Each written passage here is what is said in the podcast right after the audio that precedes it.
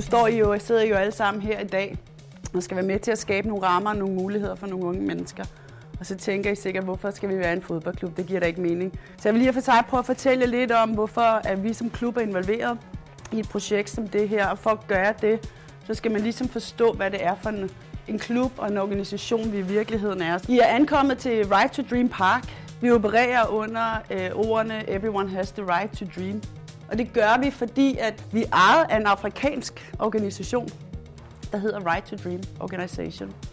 Det er vanvittigt vigtigt for os, og det er også derfor, vi involverer os i, i sådan en dag som i dag, og siger, at det vil vi rigtig gerne være med til at kunne understøtte og styrke andre mennesker.